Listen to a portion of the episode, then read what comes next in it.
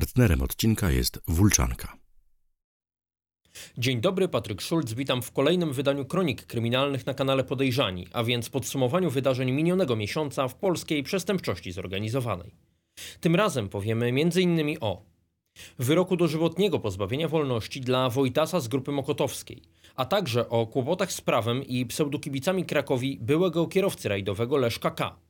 O prima aprilisowym gangu tłuszczaków kradnącym rowery na terenie Niemiec w prawdziwym życiu oraz o akcie oskarżenia wobec pseudokibiców Torcidy zrzeszonych wokół Górnika Zabrze. Zapraszam.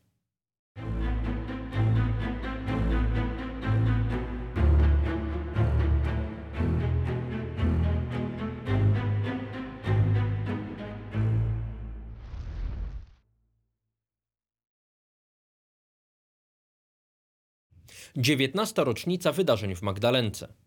19 lat temu doszło do strzelaniny antyterrorystów z gangsterami w Magdalence. W nocy z 5 na 6 marca 2003 roku podjęto próbę zatrzymania dwóch gangsterów z grupy mutantów, Igora P. i Roberta C. pseudonim Cieluś, którzy ukrywali się w domu w podwarszawskiej Magdalence.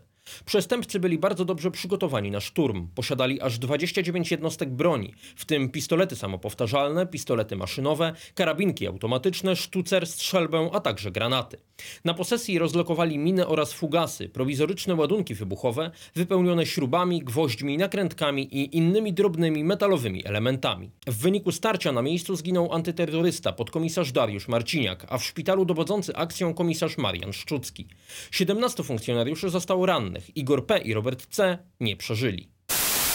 Dożywocie dla Wojtasa z grupy Mokotowskiej. Sąd apelacyjny w Warszawie prawomocnie już skazał Wojciecha S., pseudonim Wojtas Welkierownik, członka grupy mokotowskiej uważanego za lidera gangu obcinaczy palców, na karę dożywotniego pozbawienia wolności. O warunkowe przedterminowe zwolnienie Wojtas będzie mógł ubiegać się nie wcześniej niż po upływie 30 lat.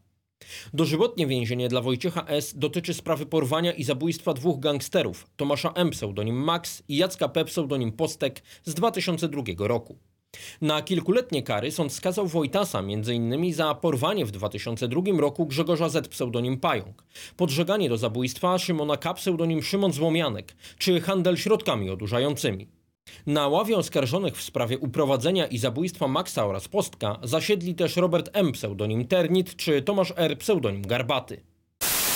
Kierowca rajdowy Leszek K. przed sądem. Rozpoczął się proces, w którym na ławie oskarżonych zasiada znany, były już kierowca rajdowy Leszek K.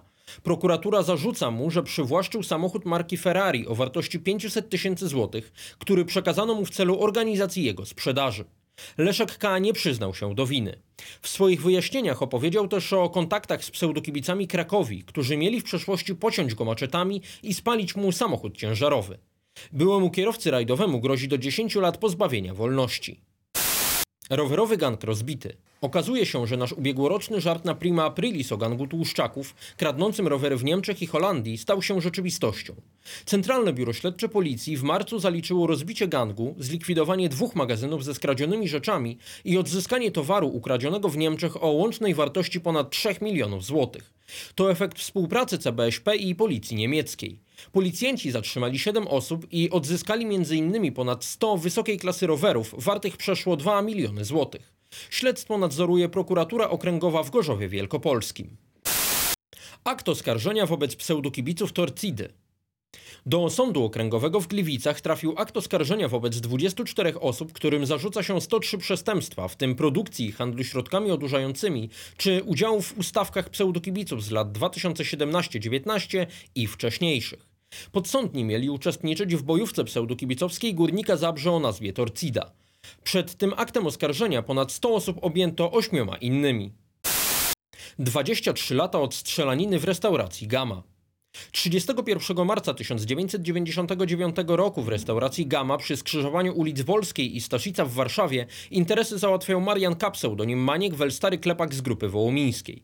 Było to jedno z jego ulubionych miejsc.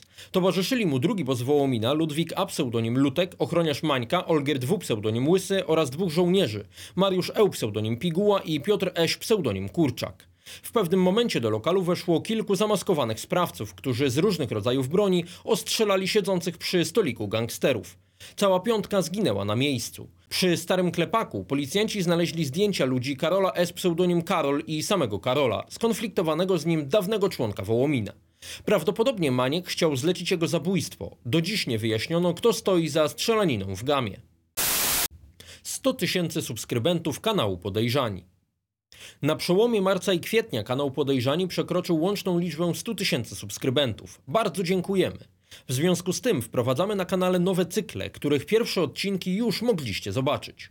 Mowa o kryminalnych opowieściach świat, w których w poniedziałki przybliżamy historię zagranicznych struktur przestępczych, zaczynając od holendersko-marokańskiej Mokromafia oraz o kryminalnych opowieściach retro, skupiających się w środy na historiach kryminalnych z dawnych lat. Tutaj w inauguracyjnym materiale przypomnieliśmy o pierwszym w Polsce uprowadzeniu dla okupu, do którego doszło w Łodzi w 1936 roku. W piątki bez zmian odbywać będą się premiery kryminalnych opowieści Polska, czyli historii polskich gangów z lat 90. i 2000. Aż do dziś. Zaś podsumowanie wydarzeń Kroniki Kryminalne będziemy publikować w pierwszy czwartek miesiąca, tak jak dziś. Jeszcze raz dziękujemy. Premiera Domu Piotra Kościelnego. Już 27 kwietnia nakładem wydawnictwa Czarna Owca ukaże się najnowsza powieść kryminalna prywatnego detektywa Piotra Kościelnego, zatytułowana Dom. We Wschowie dochodzi do serii zgonów uznawanych na pierwszy rzut oka za samobójstwa. Policjantka od niedawna służąca w lokalnej komendzie podejrzewa jednak, że ktoś mści się na nieprzypadkowych ofiarach. Dom to trzymająca w napięciu powieść pełna intrygi i demonów przeszłości, a wszystko w niepowtarzalnym klimacie Polski lokalnej. Bardzo realistyczny obraz, naprawdę warto przeczytać. Polecamy. To wszystko w kwietniowych kronikach kryminalnych. Zachęcam do zasubskrybowania kanału Podejrzani i kliknięcia ikony dzwonka, aby nie przegapić żadnych nowych materiałów. Oraz do skorzystania z opcji wspierania, za co można zyskać wiele bonusów i nagród. Do zobaczenia.